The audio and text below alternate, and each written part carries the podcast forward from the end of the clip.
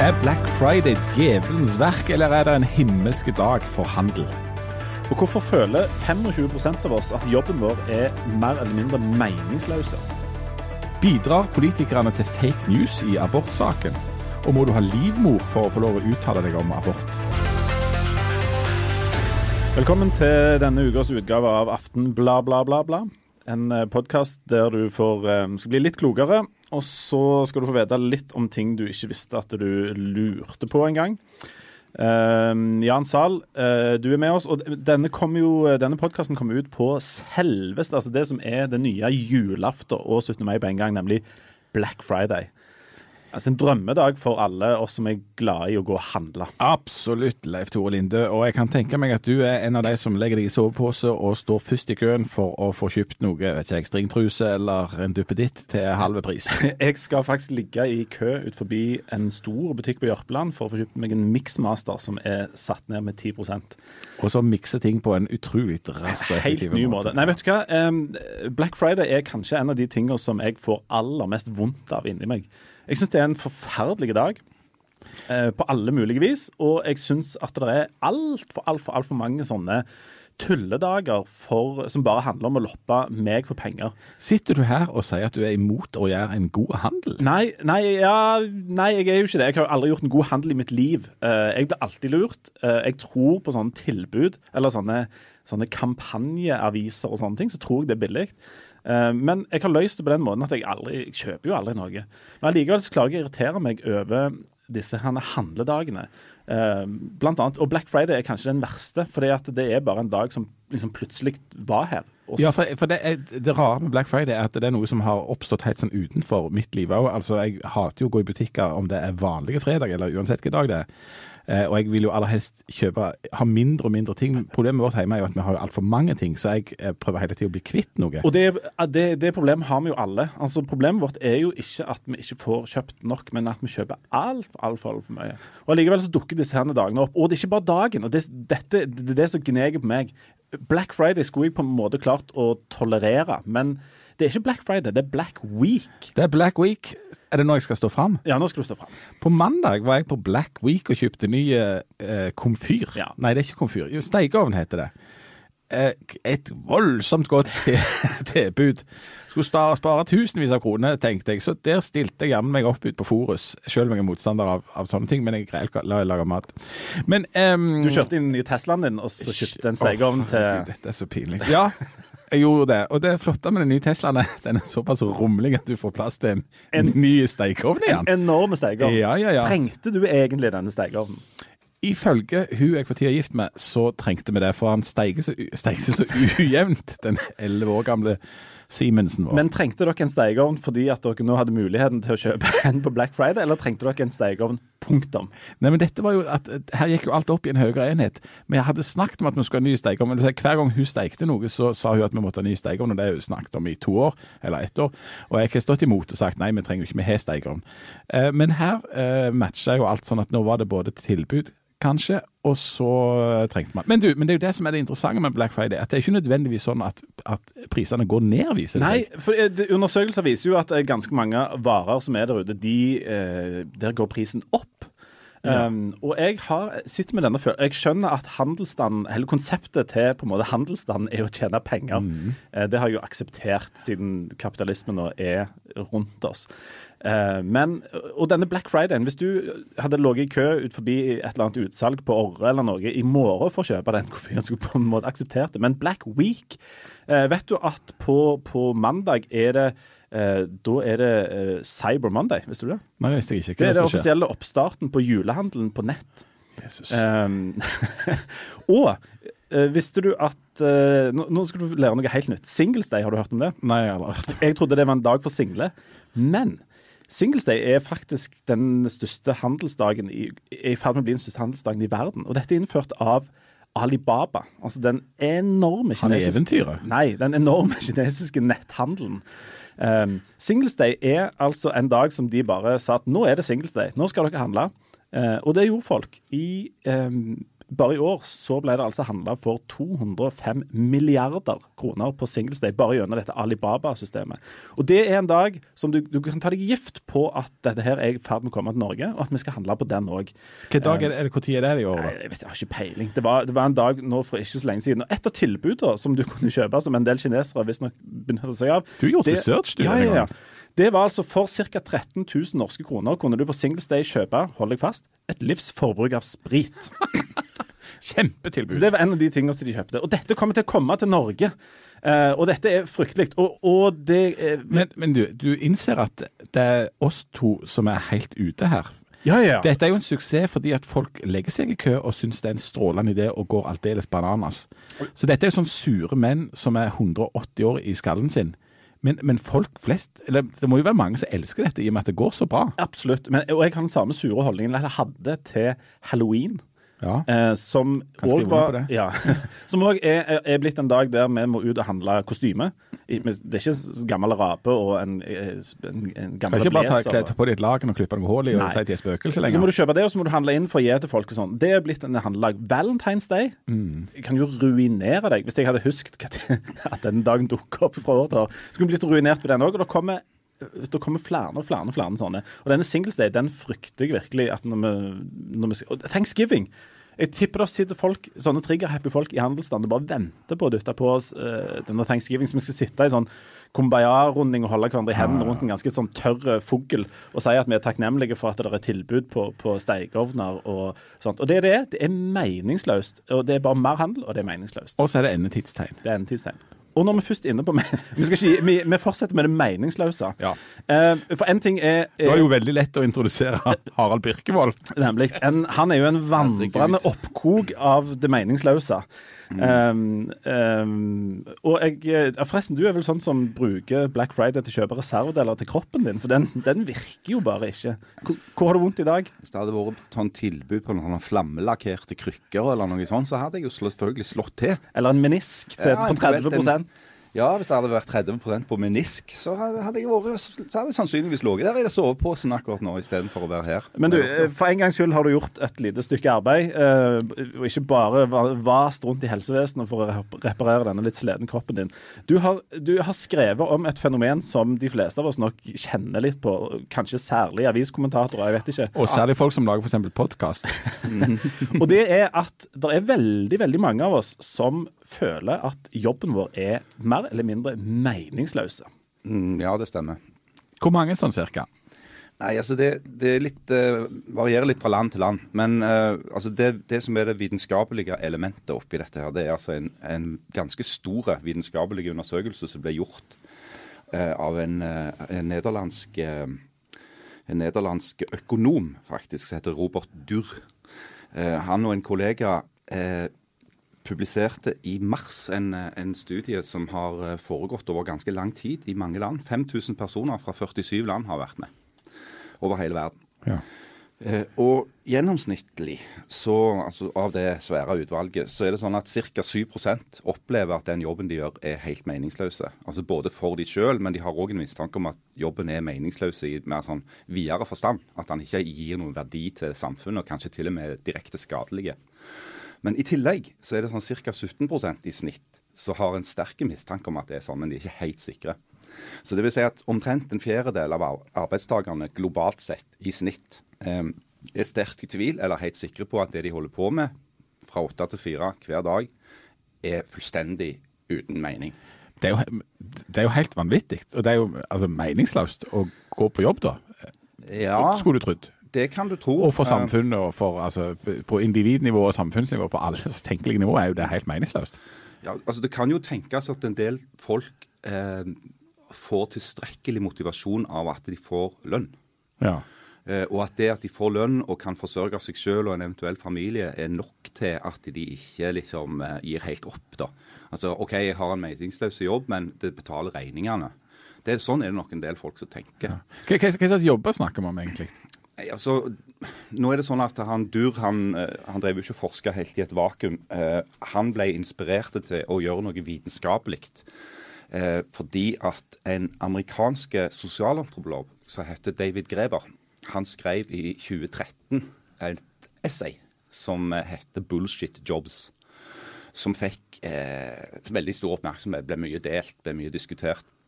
Senere så har han Greber utvida det til en bok som kom ut i år.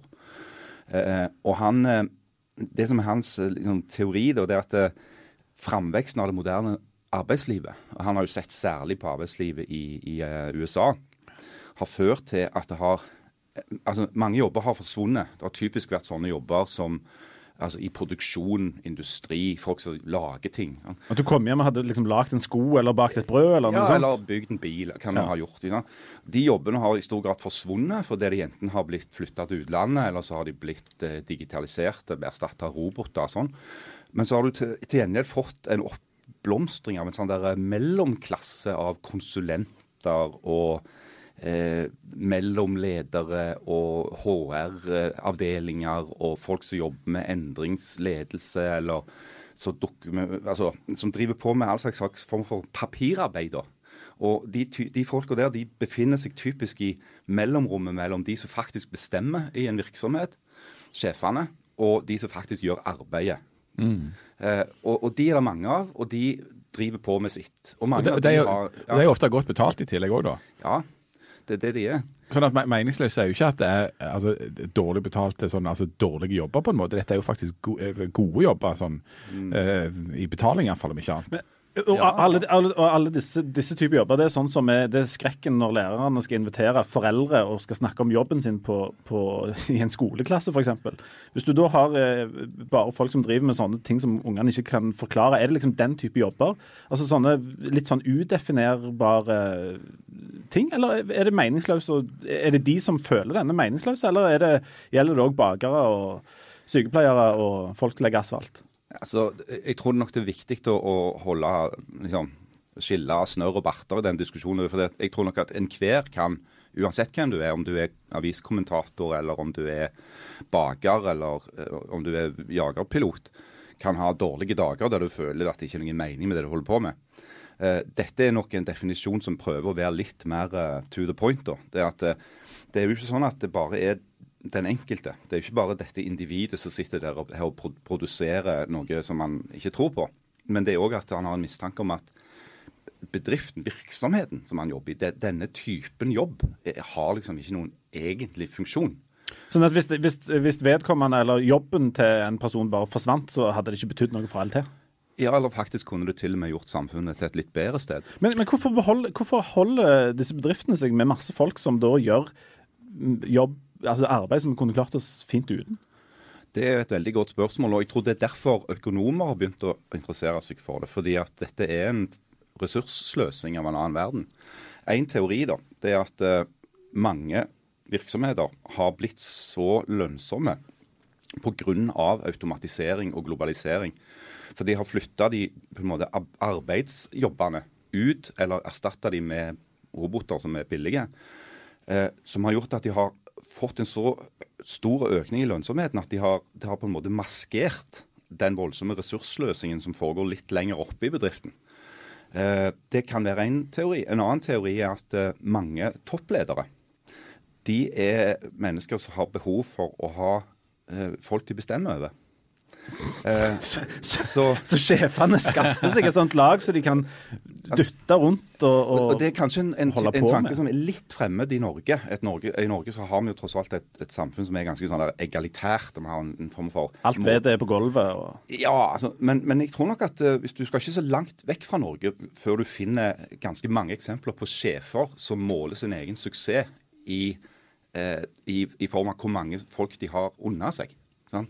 Uh, du er ikke du du, du har liksom ikke en, du er ikke en skikkelig sjef hvis du ikke har ganske mange folk som rapporterer til deg direkte, og i en stor organisasjon f.eks.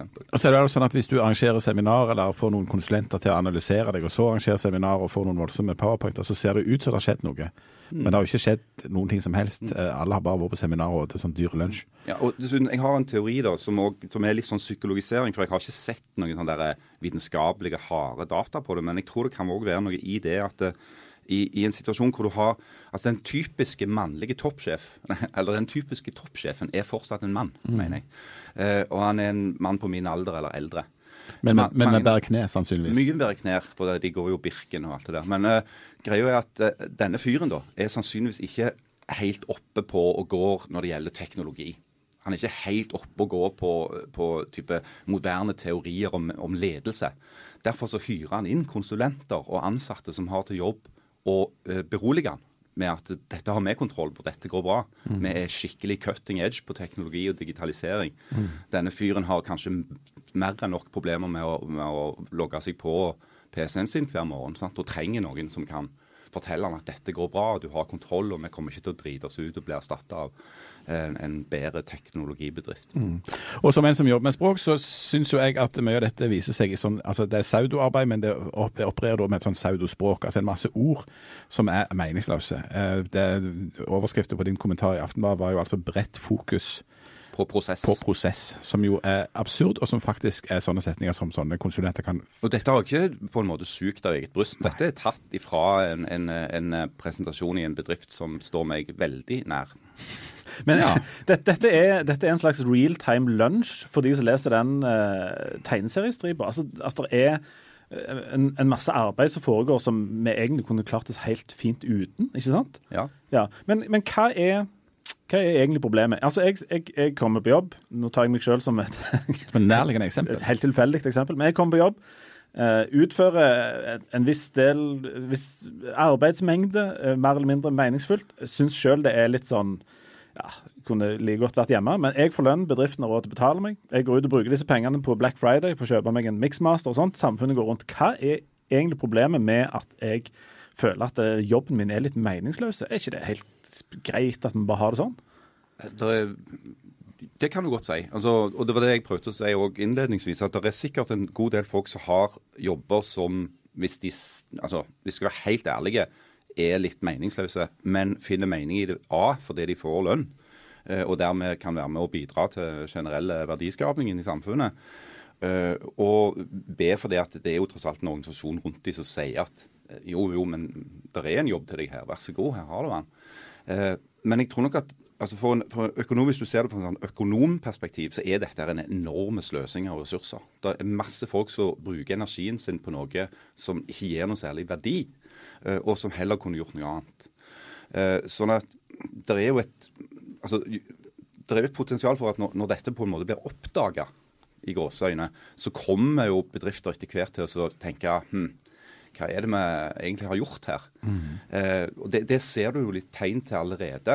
At, at den verste på en måte eh, konsulentmanien har jo begynt å gi seg litt. Men det kan òg være eh, hva heter det, konjunkturstyrt. At det har vært litt dårligere tider i næringslivet, så går den bruken litt ned. Og nå er, er det begynt å bli litt bedre tider. Da kan du gjerne si at det blomstrer opp igjen. Så, men må, ja. Ja, Ja, Jeg lite, en liten ting som du nevnte den Du har skrevet en kommentar om dette her, og, og um, som det viser seg enorm interesse for. Det er tydeligvis mange som føler litt på denne meningsløsa. Ja, det var voldsomt. I den kommentaren din så kobler du òg dette her litt sånn mot en slags aggresjon mot eliten. Eh, kan du forklare litt hvordan dette kan henge sammen? Altså Dette er Greber sin, han, han antropologen sin sentrale teori, da. Eh, i, og som han, han skriver ganske mye om i denne boka si. Eh, den heter jo da 'Bullshit Jobs A Theory'. Og det at han sitter i USA og ser på denne her ekstreme polariseringen i det amerikanske samfunnet. Politisk, kulturelt, på alle måter. Og så lurer han på om ikke en del av forklaringen i fall, kan være at du har fått en form for Og dette er jo Nå bruker jeg Marx her, altså. En form for Oi, fremmedgjøring. oi. Oi. At det er mange, mange mennesker i det amerikanske samfunnet som føler seg fullstendig fremmedgjort, i den forstand at de ikke de har ikke noe forhold til det de driver på med. De bidrar ikke, eller Nei, og De skjønner ikke hvorfor. De ser ikke hva slags rolle de egentlig har i systemet. Men det de ser, det er at det er noen få, og det er det de kan kalle eliten, da, som har stukket, stukket av med de interessante og godt betalte jobbene. Og de som sitter igjen, altså folk flest, de har valget mellom en jobb der de faktisk gjør noe nyttig, sier de er kokk eller eh, lager noe, men som er veldig dårlig betalt, eller de gjør en eller annen bullshit-jobb som er ganske godt betalt, men som er helt meningsløse. flytte papir og Eh, Ja, et eller annet tøys. Sant? Eh, Og det er det du har å velge mellom. Eller eventuelt ingen jobb, da. Mm. Og da får du denne her aggresjonen mot de der som stakk av med det interessante og godt betalt arbeidet, og så resten får bare slåss om enten noe meningsløst eller noe dårlig betalt. Og så må vi si at uh, For de som befinner seg i Stavanger-traktene til helga, så skal det være sakprosafestival i Stavanger. og Da skal bl.a. Uh, dette være noe av det som blir diskutert. Altså bullshit-arbeidet med en danske som skal komme inn og snakke. og Det skal jo du være med òg, Harald? skal du ikke det? Det skal jeg. Ja. Uh, vi har òg med oss Hilde Øverbekk, som er kommentator i Aftenbladet. Føler du at du har en meningsfull jobb hver dag? Ja, hver dag. Gjør du det? Ja, Våkner opp og er helt fornøyd hver dag. Ja, du aldri, føler aldri på at det du gjør er litt sånn uh, slå inn og åpne dører og, sånt? Jo, det slår inn åpne dører hver dag, men uh, det er meningsfullt, det. Ok, Det er, er enorme dør som folk har stått og hamra på de siste ukene, og det handler om uh, om abort. Og det Er ikke det litt rart i 2018 at abortsaken plutselig har dukket opp igjen? Jo, det jo, på en måte. Men, eh, men, nå tror jeg at eh, det er veldig mange som bare eh, legger seg rett i skyttergravene bare de hører ordet abort. For den diskusjonen er jo mye mer nyansert og mye vanskeligere egentlig enn det som han tilsynelatende er. Fordi at med Ottar i spissen og alle disse kvinnesaksforkjemperne, eh, de, de, på en måte hører det de vil høre. Nå skal vi ikke ha lov til å ta abort lenger. Sånn er det. Mm. Og så, så, stiller de seg opp foran Stortinget og roper og eh, lar eh, stakkars Sønneland fra Venstre ikke få lov til å snakke i protestene sine. Fordi han er mann? Fordi han er mann. Mm -hmm. Men men det er jo en mye eh, vanskeligere diskusjon, egentlig. For det handler jo ikke om retten til generell abort fram til uke tolv. Eh, den er ikke for, opp for diskusjon i det hele tatt. Nei. Dette handler jo eh, om eh, foster som er eh, så der, de finner misdanser på, som ikke er levedyktige, eh, og, og som da noen familier må sitte der og ta et veldig veldig vanskelig valg på om de vil beholde eller ikke. Når du, men når du sier om skyttergravene, nå var du da innom den ene skyttergraven, som altså er på en måte altså kvinnebevegelsen, og veldig bredt. Det var jo altså noen enorme demonstrasjoner i 28 byer vel i Norge i denne uka, med titusenvis av uh, folk som var ute, av sannsynligvis begge kjønn. Um, men eh, dette eh, appellerer vel òg altså til kristelig folk Altså det er noen folk i ei annen skyttergrav òg, som alltid har vært mot og veldig skeptiske til abort. Eh, og ikke bare eh, visse typer abort, men abort i det hele tatt. Sånn at eh, det er et annet grunnfjell òg på den andre sida, da. Absolutt. Eh, og jeg tror at de, de sikkert sitter der og toer sine hender og tenker at ja ja, nå kan vi få dette på plass, så kanskje vi kan dra den enda lenger. Eh, så det er, jo, det er jo legitimt egentlig eh, at vi diskuterer det. Men, eh, men, akkurat det forslaget som har blitt lagt fram, det er jo ikke et forslag om at vi ikke lenger skal få lov til å ta abort i Norge.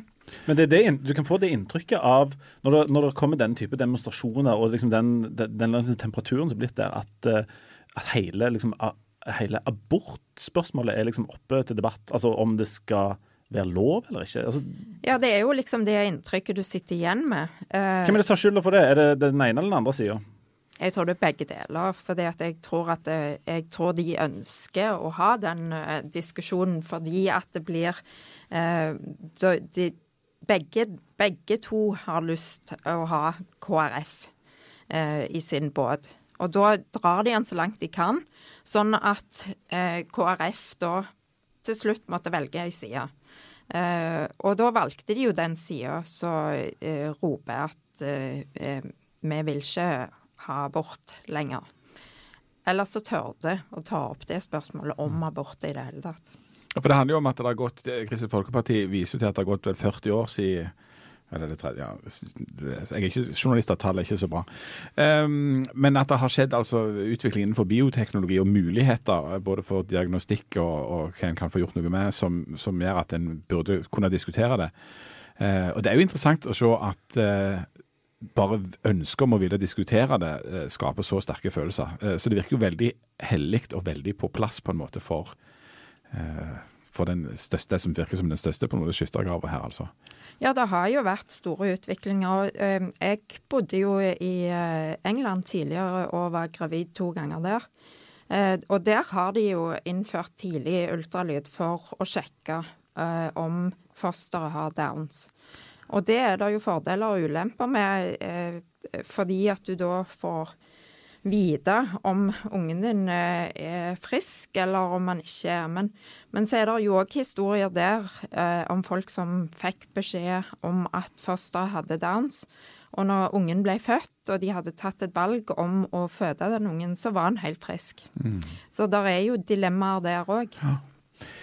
Eh, så var det da altså ei stor sak som jeg må eh, rett og slett spørre deg om. da, altså eh, Svær markering i Oslo, masse talere. Det skulle òg være ei dame fra Venstre som skulle tale. Hun ble syk og fikk inn, spurte en kar om han kunne være vikar. Men da var svaret nei fra arrangøren, at her skulle det ikke være noen menn som skulle tale om abort. Er dette en rein kvinnesak som bare kvinner kan diskutere? Hva tenker du om dette, Hilde?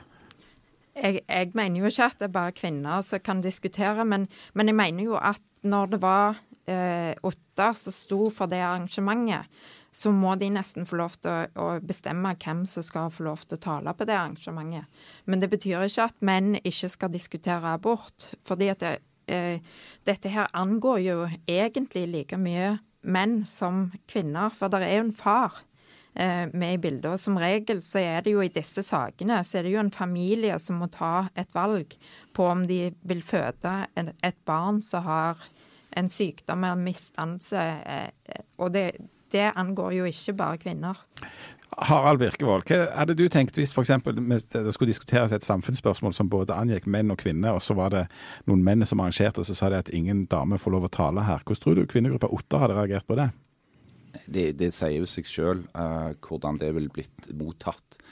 Uh, det er veldig vanskelig å se for seg uh, hva slags type debatt det skulle vært hvis det ikke var i en moské. og det, for meg så er det sånn Først og fremst så tenker jeg at når, når, da kvinnegruppa Ottar skal arrangere en sånn debatt, så syns jeg at de rett og slett skyter seg sjøl i foten ved å, å, nekte da han eh, Jan Erik Søndeland fra Venstre å holde en appell. For det som skjer da, det er at eh, da begynner denne her markeringen å handle om Ottar, istedenfor å handle om eh, det han skulle handle om, altså diskusjoner om endringer i abortloven. Så Sånn sett så er det et, et, et et, et taktisk, både taktisk og strategisk feilgrep fordi de, de kan ikke ha jeg, jeg, nekter å tro at Ottar ikke skjønte hva som kom til å skje. Eh, når de da valgte å gjøre dette til et eksklusivt kvinnearrangement. Men i, litt sånn i oppsangen til dette så var det en annen interessant eh, sak der en del eh, politikere på venstresida da eh, distribuerte et bilde på sosiale medier med, der det sitter åtte-ni menn i noen forhandlinger. Og, og det ble det, og liksom Underteksten der var at her sitter uh, masse menn og skal diskutere abortsaken. Det stemte vel heller ikke helt, eh, Hilde? Dette, har du, dette har du òg skrevet om? Det var rett og slett fake news. Ja. Jeg, ble, jeg, jeg, så det på en lørdagskveld, og så tenkte jeg på den hele formiddag på søndagen, og så ble jeg så irritert at jeg måtte bare skrive en kommentar. Eh, fordi at her er det ni menn som sitter og diskuterer budsjett. Um, og og det i for seg går jo an å si at det hadde nok kanskje gått an å få inn noen damer der. Eh, men det som var feil eh, i det, det, innlegget som ble delt av veldig mange Ap-politikere på Facebook og på Twitter, eh, var jo at dette var jo, handla jo ikke om abortsaken i det hele tatt, som det ble påstått. Det handla ikke om eh, forhandlingene om ny regjering. Det handler om budsjett, og det er to helt forskjellige ting. Selv om de prøvde å koble det, ja, men politikk henger jo sammen med regjering og eh, Men, men det, det, gjør det ikke. Ikke sånn som så de prøver å framstille det.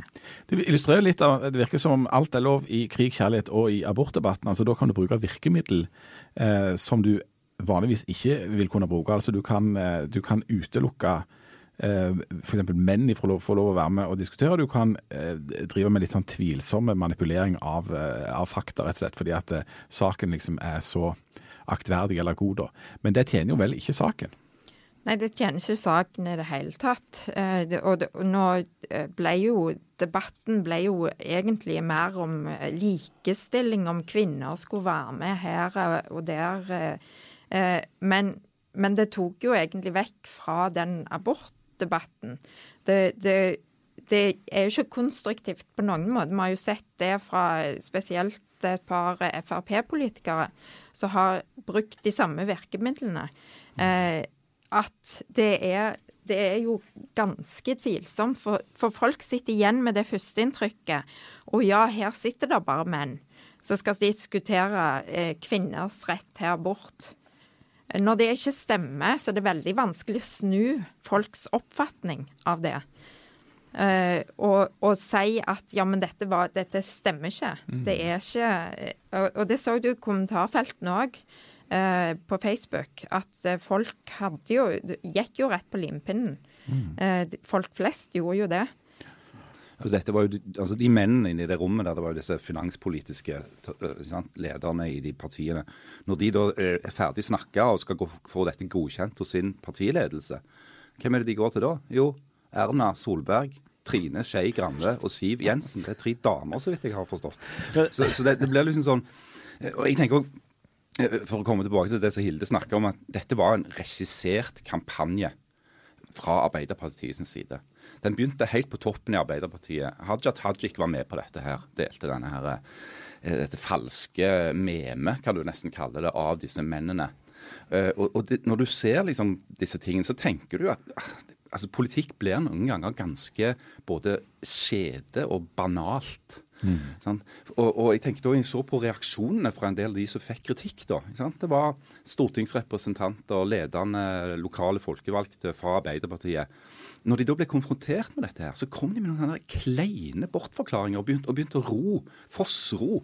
Eh, jo, jo, men altså, som du sa, alt henger jo sammen med alt, og budsjettet henger jo sammen med abort. Selvfølgelig gjør det ikke det. De satte ikke i et, et møte der de skulle diskutere detaljer i statsbudsjettet og snakket om, om paragraf 2c i abortloven. Selvfølgelig gjorde de ikke det. Og så tenker jeg noen ganger at Det er så sykt vanskelig for politikere å, å bare si OK, sorry, her bomma vi. Dette ble dumt. Beklager, vi skulle ikke gjort det. Ikke én har gjort det. Men da er det bra at vi har kommentatorer som irriterer seg på søndags formiddag. Det er ikke en uh, meningsløs jobb, det er meningsfylt i massevis. Og, og er, det ikke, er, det ikke, litt søtt at vi bor i et land der hele, alt dette avgjøres av enten en liten nyanse i abortloven eller to flasker vin. Er ikke det et land vi har lyst til å ta vare på? Jo, men for så vidt. Det, det er jo altså, to, to, ord om den der taxfree-greia. Det er kjempeløye. Altså, når uh, den nåværende regjeringen, uten KrF, innførte den ordningen der du kunne bytte tobakkskvoten sant, mot to flasker vin, så var det politikk. Ja. Når nå KrF kommer inn og begynner å herje på, og så bytter tilbake igjen, sier at du kan ikke gjøre det, da er det symbolpolitikk. Akkurat. Sant? Altså, forskjell på det, ja. Ja, ja, veldig stor forskjell. Sånn? Det er helt fantastisk. De Men det kommer jo aldri til å, å bli sånn, for nå har de jo skapt seg selv et kort til å forhandle med. Så nå kan de gi den til Frp igjen, mot at Frp gir noe tilbake til KrF. Frp betrakter jo taxfree-kvoten som en av de grunnleggende menneskerettighetene. Altså, ja. på, på, linje med liksom, ytringsfriheten og, og, retten til å ikke bli fengsla vilkårlig og sånn, så er det òg taxfree-kvoten. Og Det interessante er jo at eh, forhandlingene om abortspørsmålet det har jo ikke begynt ennå engang. Selv om hele Norge diskuterer det, så har jo ikke det begynt på regjeringsnivå ennå. i det hele tatt. Nei, det har ikke begynt i det hele tatt. Det jeg vil eh, ha, og gjerne kan gå i bresjen for, det er eh, protestaksjoner i 28 norske byer der vi skal, der vi skal protestere mot denne taxfree-kvoteordningen. Vet ikke om dere er med på det, eller om dere er for travelt opptatt nei, altså, med Black Friday? Jeg, jeg, er for den endringen, for det betyr at jeg kan få flere av mine venner til å kjøpe snus for meg når de er ute og reiser. Akkurat. Du tenker først og fremst på deg sjøl? Selv. Selvfølgelig. En pragmatiker. Det er flott.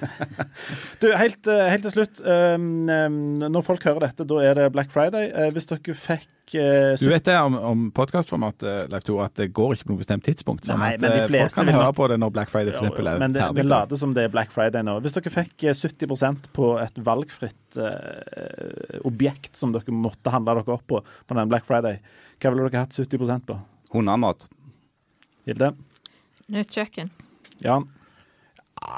En komfyr til? Du har jo alt, Jan. Jeg har alt. Jeg ville hatt, jeg ville hatt tilbud om en meningsfull jobb istedenfor å holde på med dette her. Eller halve pris. sprit resten av livet for 13 000. Det, det vil jeg ha.